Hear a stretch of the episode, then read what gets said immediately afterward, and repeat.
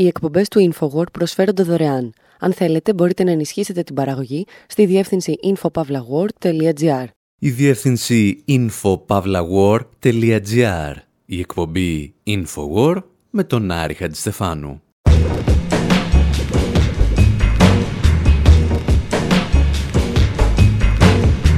Όπου σήμερα δηλώνουμε εξοργισμένοι από την εκπρόσωπο της Κομισιόν που ήρθε στην Ελλάδα να μας εξηγήσει ότι για το τραγικό δυστύχημα στα Τέμπη δεν ευθύνονται ιδιωτικοποίησεις.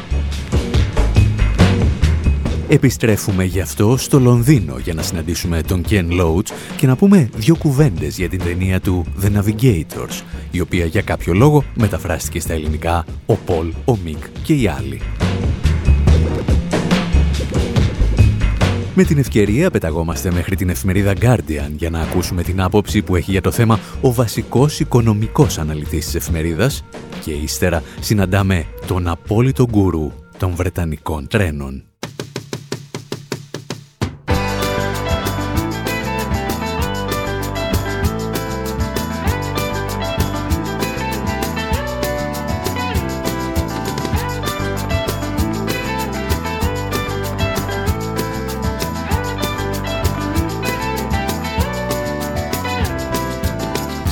Möte på något kansli med prat om hur allting ska bli.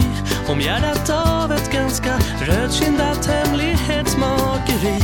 En bok om planekonomi som ska ge arbetaren fri.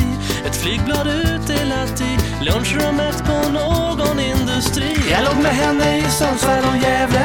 Jag låg med henne i Malmö och Umeå. Jag låg med henne i Tjeckoslovakien. En text om någon klassteori hämtad ur Ches biografi. En film utav Ken Loach om kärlek i ett kommunistparti. Ett angrepp på vår monarki. En grundkurs i sociologi. En tidskrift med subkommendante Marcos vackra poesi. Jag låg med henne i Sundsvall och Gävle. Jag låg med henne i Malmö och Umeå. Jag låg med henne i Tjeckoslovakien. Το συγκρότημα Dr. Cosmos από την Σουηδία δίνει μαθήματα σοσιαλιστικού σουρεαλισμού. Γιατί ρεαλισμό αυτό δεν το λες. Καταρχήν, οι τύποι θα μπορούσαν να είναι η σουηδική εκδοχή των Μπέλαν Σεμπάστιαν, εάν δεν τους έπιανε λόξιγκα στο ρεφρέν.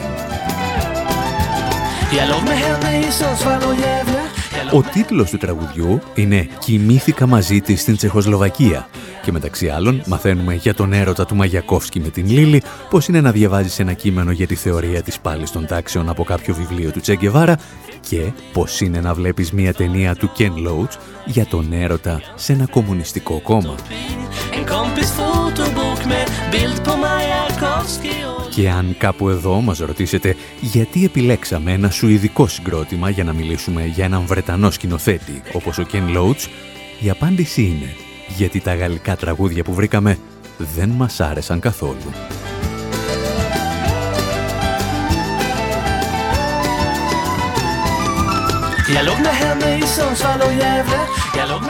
Σήμερα πάντως δεν συζητάμε για τον έρωτα του Ken Loach σε κάποιο κομμουνιστικό κόμμα, αλλά για τον έρωτά του για όσους εργάζονται στα τρένα και το μίσος του για όσους τα ιδιωτικοποίησαν.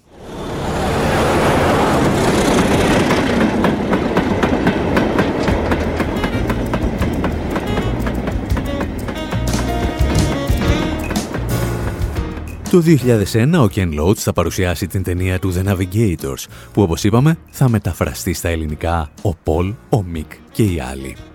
Πρόκειται για την ιστορία πέντε εργαζομένων στα βρετανικά τρένα που βιώνουν την πολυδιάσπαση των υπηρεσιών, την υποβάθμιση των συνθήκων εργασίας, αλλά και τα ατυχήματα που προκαλεί η ιδιωτικοποίηση.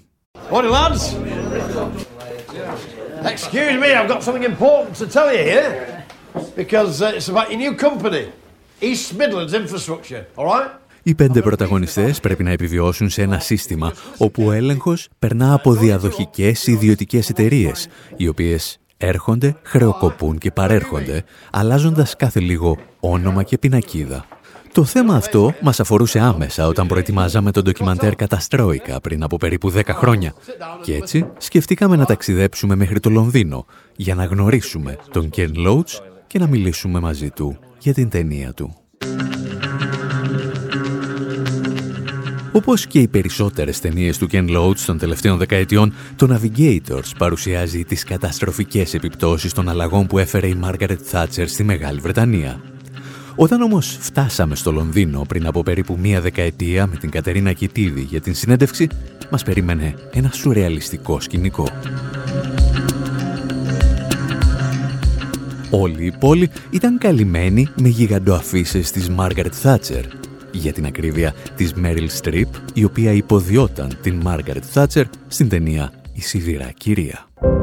Mrs. Thatcher, one simply has to make you look and sound like the leader that you could be.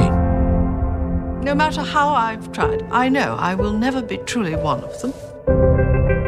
Το Λονδίνο θύμιζε κάποιο απολυταρχικό καθεστώς, σαν την Βόρεια Κορέα, όπου η εικόνα του ηγέτη κυριαρχεί σε κάθε γωνιά της χώρας. Μόνο που τη συγκεκριμένη πινελιά απολυταρχισμού την είχε στήσει ο ιδιωτικός τομέας και συγκεκριμένα μια εταιρεία παραγωγής ταινιών. Όταν λοιπόν ξεκινούσαμε την κουβέντα μας με τον Ken Loach για τα Βρετανικά τρένα, τον ρωτήσαμε αν σκόπευε να δει και την ταινία για τη Θάτσερ.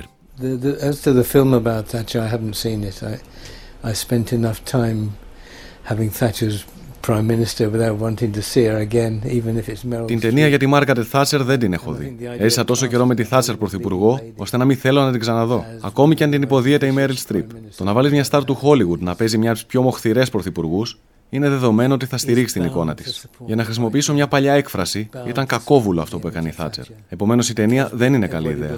Αναφορικά με την παρακαταθήκη της Θάτσερ, συνοψίζεται στη φράση Η απληστία είναι καλή. Σημαίνει ότι οι πλούσιοι θα πρέπει να γίνουν πιο ισχυροί και κάθε συλλογική προσπάθεια πρέπει να αντιμετωπίζεται με δυσπιστία. Η Θάτσερ κατάφερε να κάνει μια ολόκληρη γενιά να πιστέψει ότι έτσι πρέπει να ζει και ότι δεν υπάρχει εναλλακτική. Αυτό ήταν άλλωστε και ένα από τα σλόγκαν της. Δεν υπάρχει εναλλακτική. Εμείς όμως πρέπει να υποστηρίξουμε ότι υπάρχει και ότι μπορούμε να συνεργαστούμε για το κοινό καλό. Πρέπει να καταλάβουμε ότι η κρίση και η κατάρρευση του καπιταλισμού δεν οφείλεται στην έλλειψη συνεργασίας μεταξύ μας, αλλά στην ίδια τη λειτουργία του συστήματος. Είναι συνέπεια ενός συγκεκριμένου τρόπου οργάνωσης της οικονομίας, ο οποίος είναι απάνθρωπος, αναποτελεσματικός και δεν προστατεύει τον πλανήτη και τους πόρους του.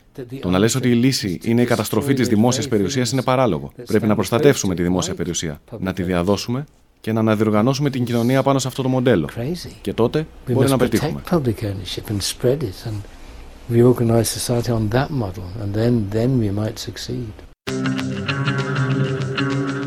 Η συζήτηση με τον Ken Loach πέρασε γρήγορα στο βασικό μας θέμα, στην ταινία του The Navigators.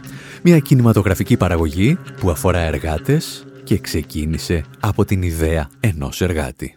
We made the Navigators about the privatization of Um, Γυρίσαμε το Navigator με θέμα την ιδιωτικοποίηση των τρένων όταν ένας εργάτης μου πρότεινε την ιδέα του σενάριου. Στα γυρίσματα φάνηκε αυτό που ήδη γνωρίζαμε, ότι η ιδιωτικοποίηση των τρένων ήταν καταστροφική.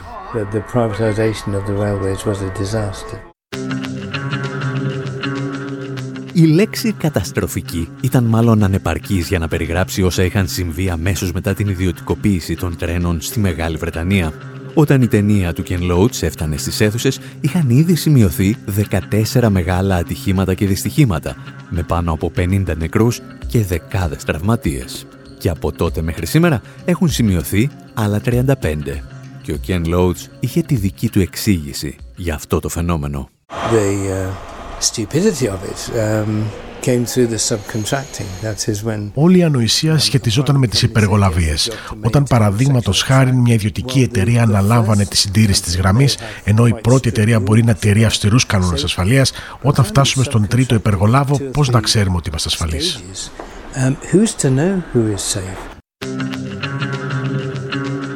Μιλώντας για ιδιωτικές εταιρείες και υπεργολάβους, ο King Loach δεν αναφέρεται σε μία ή δύο επιχειρήσεις. Λίγα χρόνια μετά την ιδιωτικοποίηση των τρένων στη Βρετανία, το έργο που κάποτε πραγματοποιούσε μια δημόσια επιχείρηση, τώρα το διαχειρίζονταν 2.000 εταιρείες. Και μόνο ο συντονισμός αυτών των επιχειρήσεων θα απαιτούσε μια εταιρεία πολύ μεγαλύτερη από τη δημόσια επιχείρηση των σιδηροδρόμων. Η παρατήρηση του Ken Loach για τις υπεργολαβίες βρίσκεται στην ουσία του προβλήματος και έχει μερικές ακόμη ενδιαφέρουσες πτυχές. Ουσιαστικά μας εξηγεί ότι μια ιδιωτικοποίηση μπορεί να έχει καταστροφικές συνέπειες πριν ακόμη ξεκινήσει. Αυτά όμως θα τα εξηγήσουμε σε λίγο.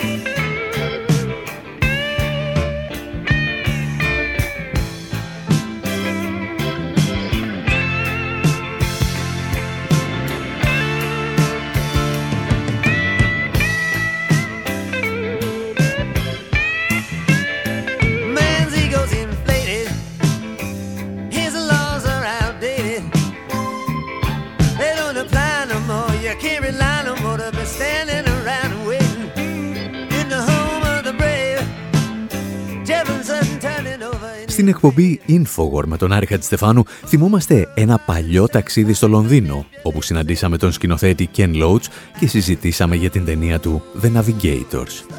Η περιγραφή των τραγικών συνεπειών που είχε η ιδιωτικοποίηση των Βρετανικών τρένων για τους επιβάτες αλλά και για τους εργαζόμενους. Όπως μας εξήγησε ο Ken Loach, το βασικό πρόβλημα που προέκυψε από την ιδιωτικοποίηση ήταν η πολυδιάσπαση του έργου, στο οποίο πλέον εμπλέκονταν εκατοντάδες εταιρείες.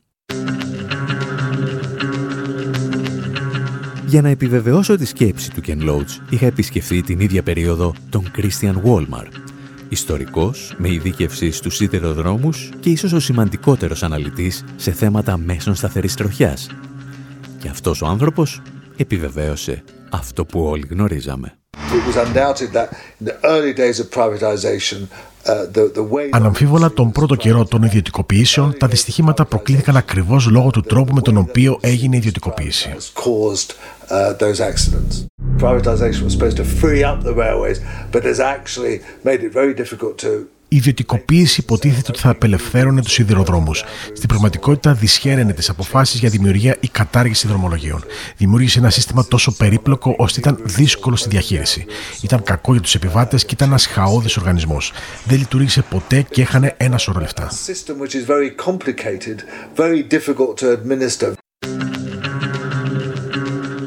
Αυτή η δυσκολία στη διαχείριση στην οποία αναφέρονται ο Ken Loach και ο Christian Walmart αποτελεί την καλύτερη απάντηση σε ένα επιχείρημα που ακούγεται κατά κόρον τις τελευταίες ημέρες. Ότι την ευθύνη για τη διαχείριση στα τέμπη είχαν οι επιχειρήσεις που ακόμη βρίσκονται υπό τον έλεγχο του δημόσιου τομέα και όχι στα χέρια ιδιωτών. Συνεπώς, η ιδιωτικοποίηση δεν ευθύνεται για το δυστύχημα. Το παράδειγμα της Μεγάλης Βρετανίας όμως αποδεικνύει ότι ο δράστης είναι η ίδια η πολυδιάσπαση.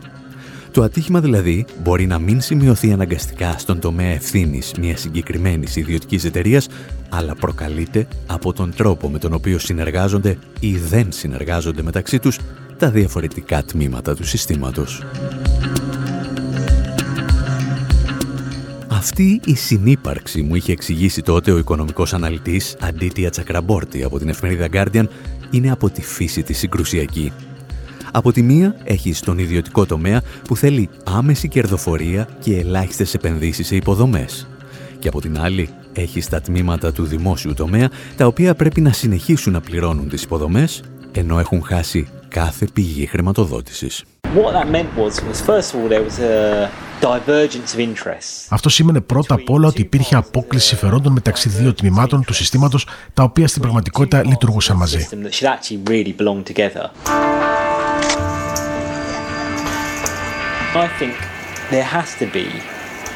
Πρέπει να το τονίσουμε. Η ιδιωτικοποίηση έγινε με απαράδεκτα βιαστικό τρόπο και γι' αυτό χάθηκαν ζωές.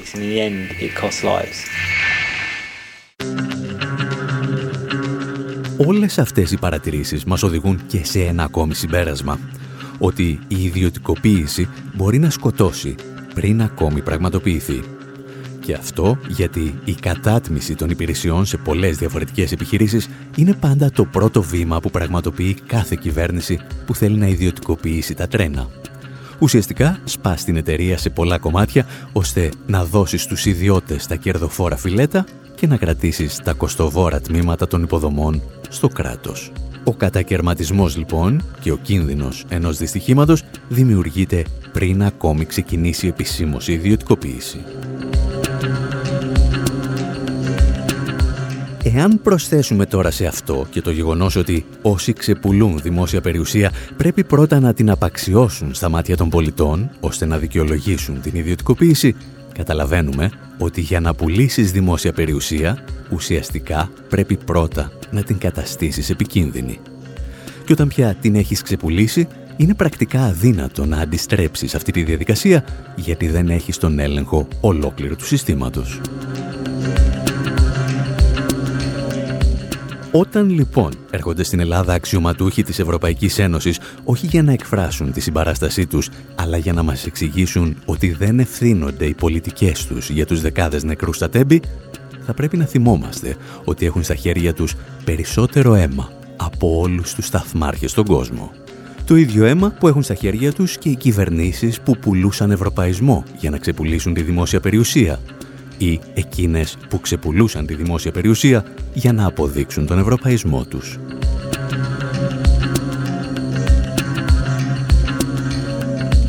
Εσείς πάλι μένετε εδώ για ένα μικρό διάλειμμα και επιστροφή σε εντελώς διαφορετικό κλίμα.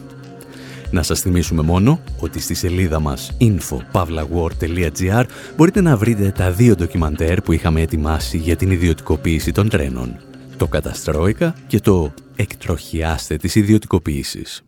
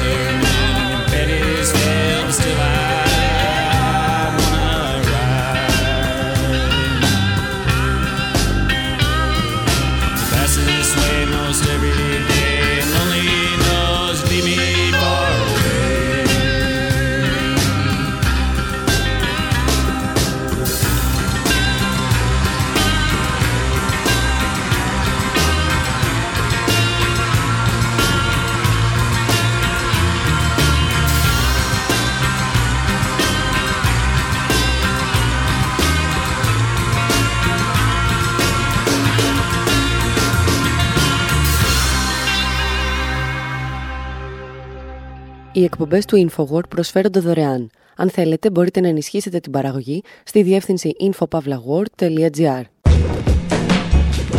Εκπομπής InfoWord, μέρος δεύτερο. Όπου σήμερα αποφασίσαμε να θάψουμε τους εμποράκους που είχαν τα καταστήματά τους σε κάποιο μόλ των Ηνωμένων Πολιτειών. Παρακολουθούμε το μισό αιώνα της ζωής τους και αφήνουμε τους Blues Brothers να τα κάνουν όλα γης μαδιάμ. Υποπτευόμαστε ότι ένα μόλ δεν είναι η συνέχεια της αρχαίας αθηναϊκής αγοράς όσο και αν θέλουν να το πιστεύουν οι φιλελεύθεροι αναλυτές και δήμαρχοι αυτού του κόσμου. Συζητάμε για μόλ που έγιναν οδοντιατρία, λογιστήρια και αποθήκες και αποχαιρετούμε το απόλυτο σύμβολο του αμερικανικού καταναλωτισμού.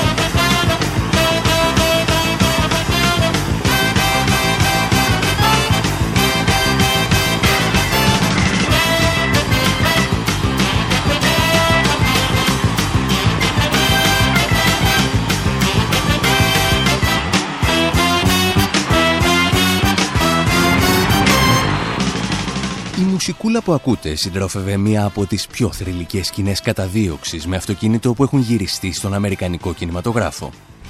Δύο περιπολικά κυνηγούν τους Blues Brothers μέσα σε ένα Αμερικανικό μόλ, ενώ οι ήρωές μας χαζεύουν και τις βιτρίνες των καταστημάτων. Στην ταινία βέβαια τα πράγματα ακούγονταν κάπως έτσι.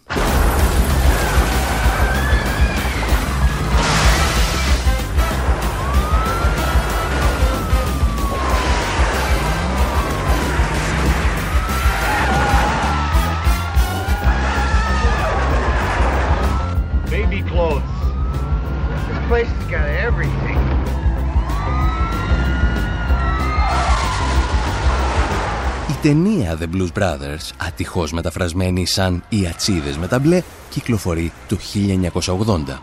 Είναι η στιγμή που τα αμερικανικά μολ έχουν φτάσει στο απόγειο της δόξας τους. Η στιγμή δηλαδή που ξεκινά και η παρακμή τους. Και ένα αυτοκίνητο που διαλύει τα πάντα στο πέρασμά του μέσα σε ένα μολ είναι ίσως ο πιο επιτυχημένος συμβολισμός που θα μπορούσε να κάνει κανείς. Γιατί τα μολ γεννήθηκαν, λένε ορισμένοι, χάρη στο αυτοκίνητο. Για αυτή την ιστορία όμως θα χρειαστούμε πρώτα το ρεπορτάζ του Τσακ Μπέρι.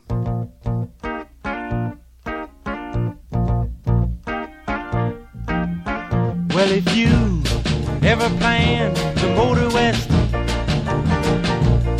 Jack, take my way, it's the highway, that's the best.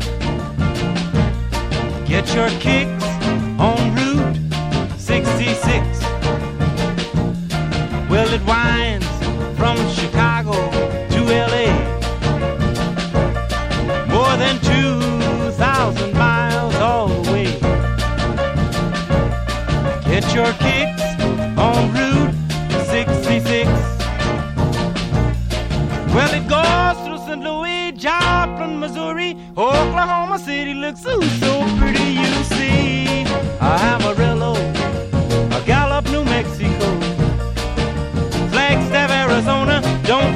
Winona, Kingsman, Barstow, San Bernardino. Won't you get hip to this kindly tip and take that California trip? Get your kicks on Route 66.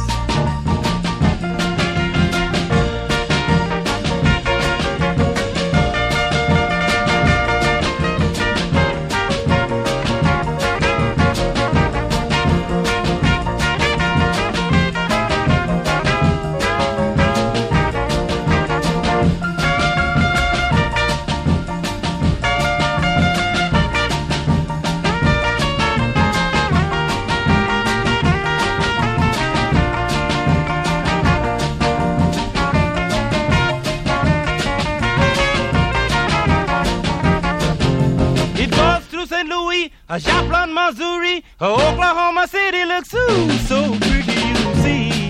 A Amarillo, a Gallup, New Mexico. Flagstaff, Arizona, don't forget Winona, Kingsman, Barskow, San Bernardino, won't you get hip to this kindly tip? Take Get your kicks on Route 66. Ο Τσακ Μπέρι ταξιδεύει στον διαπολιτιακό αυτοκινητόδρομο 66. Ταξιδεύει στο ασφαλτοστρωμένο αμερικανικό όνειρο. Ταξιδεύει στη φιλελεύθερη ιδεολογία που στήριξε την εκρηκτική μεταπολεμική ανάπτυξη. Μετά τον Δεύτερο Παγκόσμιο Πόλεμο, ο πρόεδρος Dwight Eisenhower υπογράφει την νομοθετική πράξη για τους Αμερικανικούς αυτοκινητόδρομους. Ο στρατηγός έχει μόλις επιστρέψει από το Δεύτερο Παγκόσμιο Πόλεμο. Στην Ευρώπη έχει θαυμάσει τα γερμανικά Autobahn, αυτοκινητόδρομους που σου επιτρέπουν να διασχίσεις τη χώρα χωρίς καμία στάση σε ενδιάμεσες πόλεις. Αυτοκινητόδρομους που παρεπιπτόντος θα χρησιμεύαν και για τη μετακίνηση στρατευμάτων σε περίπτωση επιστράτευσης. Οι νικητές του Δευτέρου Παγκοσμίου Πολέμου βέβαια θα χρησιμοποιήσουν τους αυτοκινητόδρομους όχι για να μετακινούν στρατεύματα, αλλά για να μετακινούν στρατιές καταναλωτών. Χάρη σε αυτούς τους δρόμους μπορούν πλέον να χτιστούν τεράστια εμπορικά κέντρα έξω από τις μεγαλοπόλεις. Και το 1956 δημιουργείται το πρώτο εμπορικό κέντρο στις Ηνωμένες Πολιτείες που θα ονομαστεί Shopping Mall.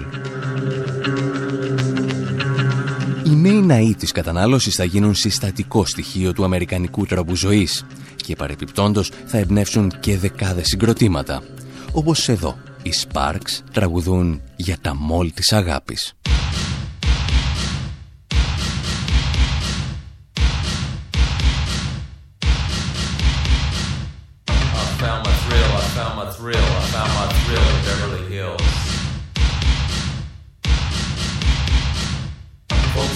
Jill. Folks call her Jill. Folks call her Jill, but that ain't what I call her.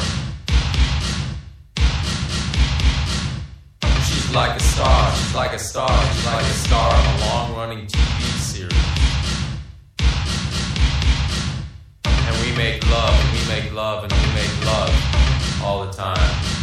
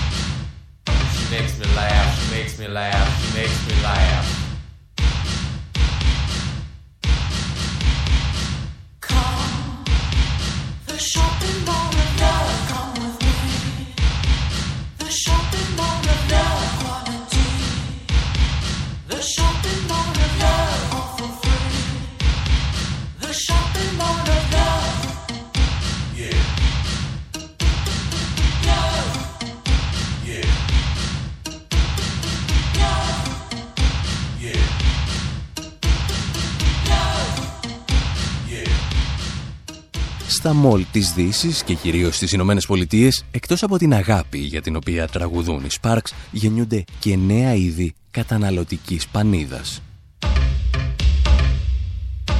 Ανάμεσα σε άλλα ζώα συναντάμε τα λεγόμενα mall rats, δηλαδή τα ποντίκια των mall. Πρόκειται για ομάδες εφήβων που περνούν εκεί το μεγαλύτερο μέρος της ημέρας τους, ενδεχομένως και της εφηβείας τους.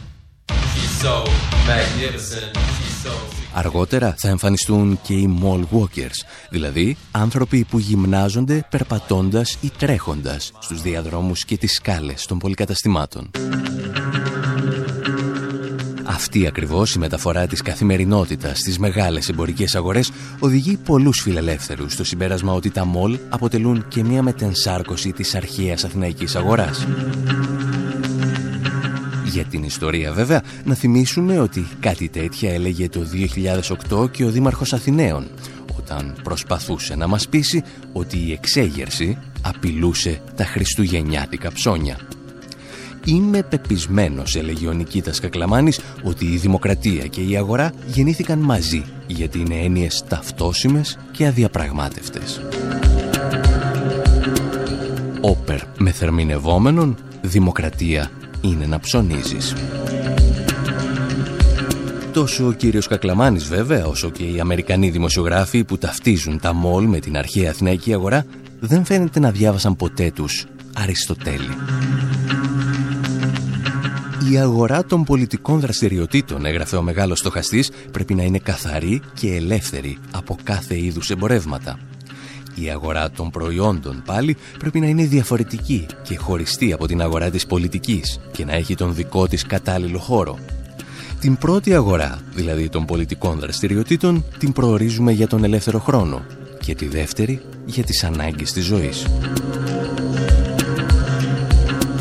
Αυτά τα μπερδέματα βέβαια μεταξύ εμπορικών κέντρων και δημοκρατίας γίνονταν στις χρυσές ημέρες των μόλ, γιατί ύστερα τα πράγματα άλλαξαν.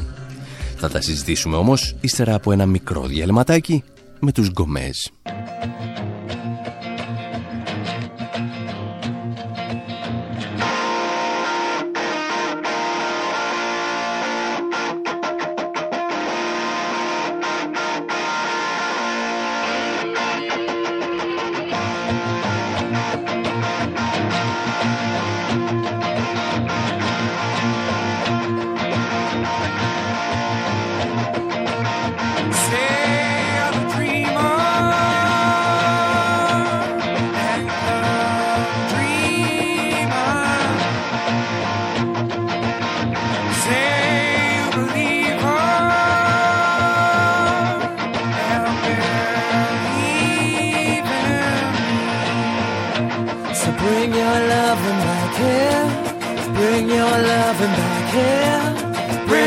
Loving back here.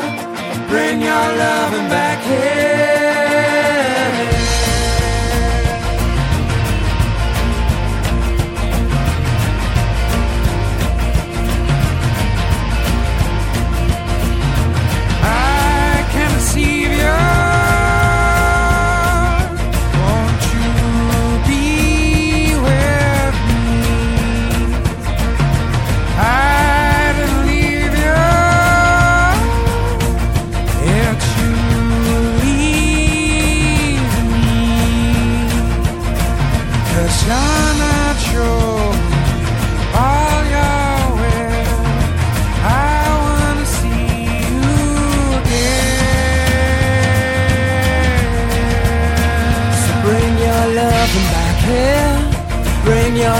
here.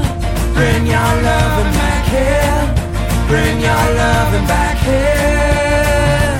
I wanna take you out tonight.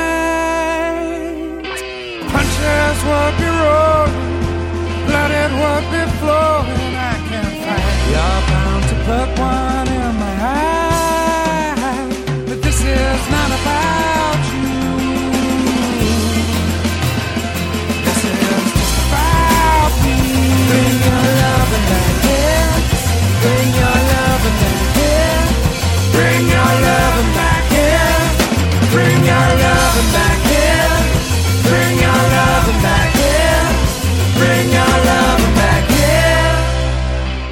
εκπομπή Infowar με τον Άρη Χατζηστεφάνου συζητάμε για το θάνατο του Αμερικανικού μόλ και τα όσα αυτό σηματοδοτεί για τον Αμερικανικό καπιταλισμό. Σε αντίθεση με τους Sparks που ακούγαμε νωρίτερα, οι οποίοι βρήκαν την αγάπη τους σε ένα μολ, οι Γκομέζ την ψάχνουν. Εμείς πάλι επιλέξαμε το συγκεκριμένο τραγούδι για τον τίτλο του άλμπουμ στο οποίο συμπεριλαμβάνεται.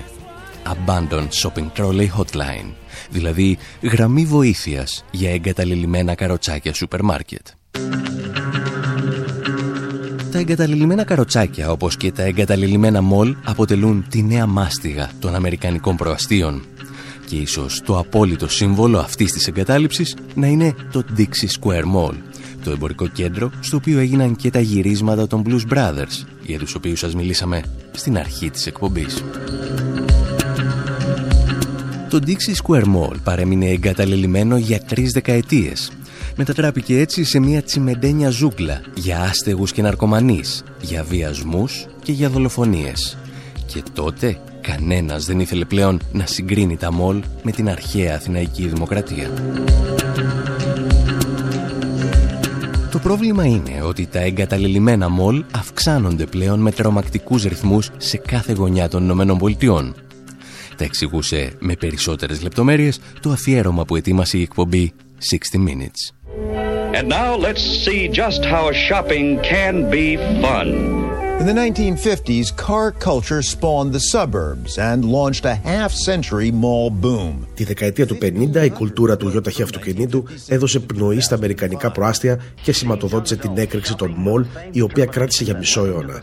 Από το 1956 μέχρι το 2005 χτίστηκαν 1500 εμπορικά κέντρα. Σήμερα υπάρχουν μόνο 1000 σε όλη τη χώρα, ενώ δεν κατασκευάστηκε κανένα από το 2006 μέχρι σήμερα. Τα μολ με πολυτελή προϊόντα, τα οποία αποκαλούμε A-mall, μειώνονται σταδιακά. Τα B-mall και τα C-mall όμως είτε κλείνουν είτε τροποποιούνται για άλλες δραστηριότητες. Ορισμένα γίνονται απλώς αποθήκες. Το 50% των σημερινών μολ αναμένεται να χρεοκοπήσουν ή να τροποποιηθούν για άλλες χρήσεις την επόμενη δεκαετία.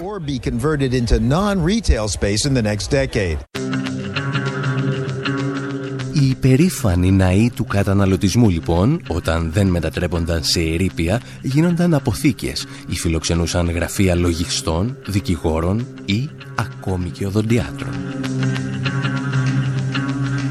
Σε μία περίπτωση βέβαια, ένας ναός της κατανάλωσης έγινε και ναός του Θεού. Ένα γιγαντιαίο εμπορικό κέντρο στη Φλόριντα μετατράπηκε σε γιγαντιαία εκκλησία. Και αυτό γιατί οι ιδιοκτήτες έκριναν ότι έτσι θα μάζευε περισσότερο κόσμο τις Κυριακές.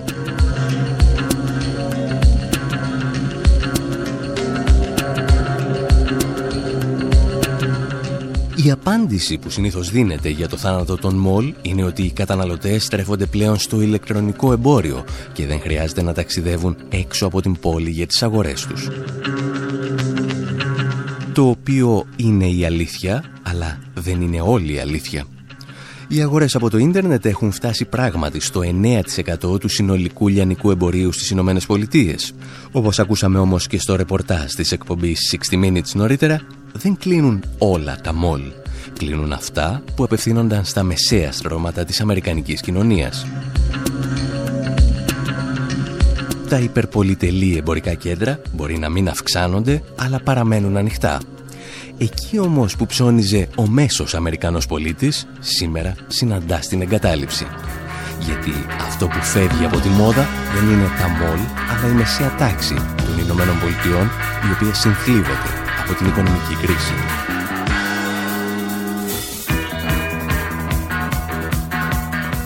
Εμείς πάλι κάπου εδώ λέμε να σας αφήσουμε και για αυτή την εβδομάδα. Να μας ψάχνετε στη διεύθυνση info.pavlawar.gr και να μας ακολουθείτε στα social media που θα βρείτε εκεί. Από τον Άρη Χατζηστεφάνου στο μικρόφωνο και τον Δημήτρη Σταθόπουλο στην τεχνική επιμέλεια, γεια σας και χαρά σας.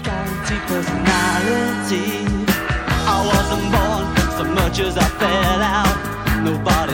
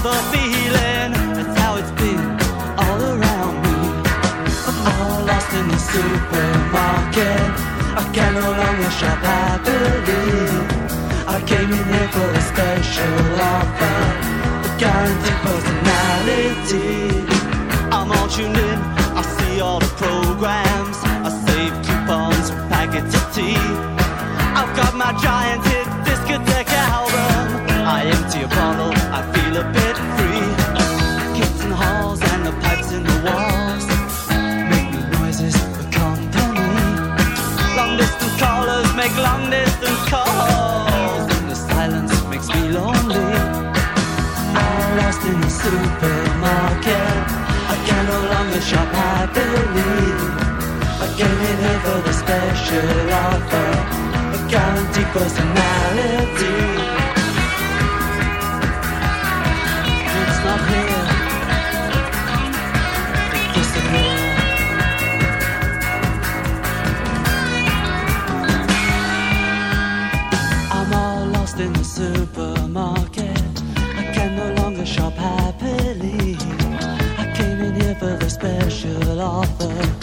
Counting blessings.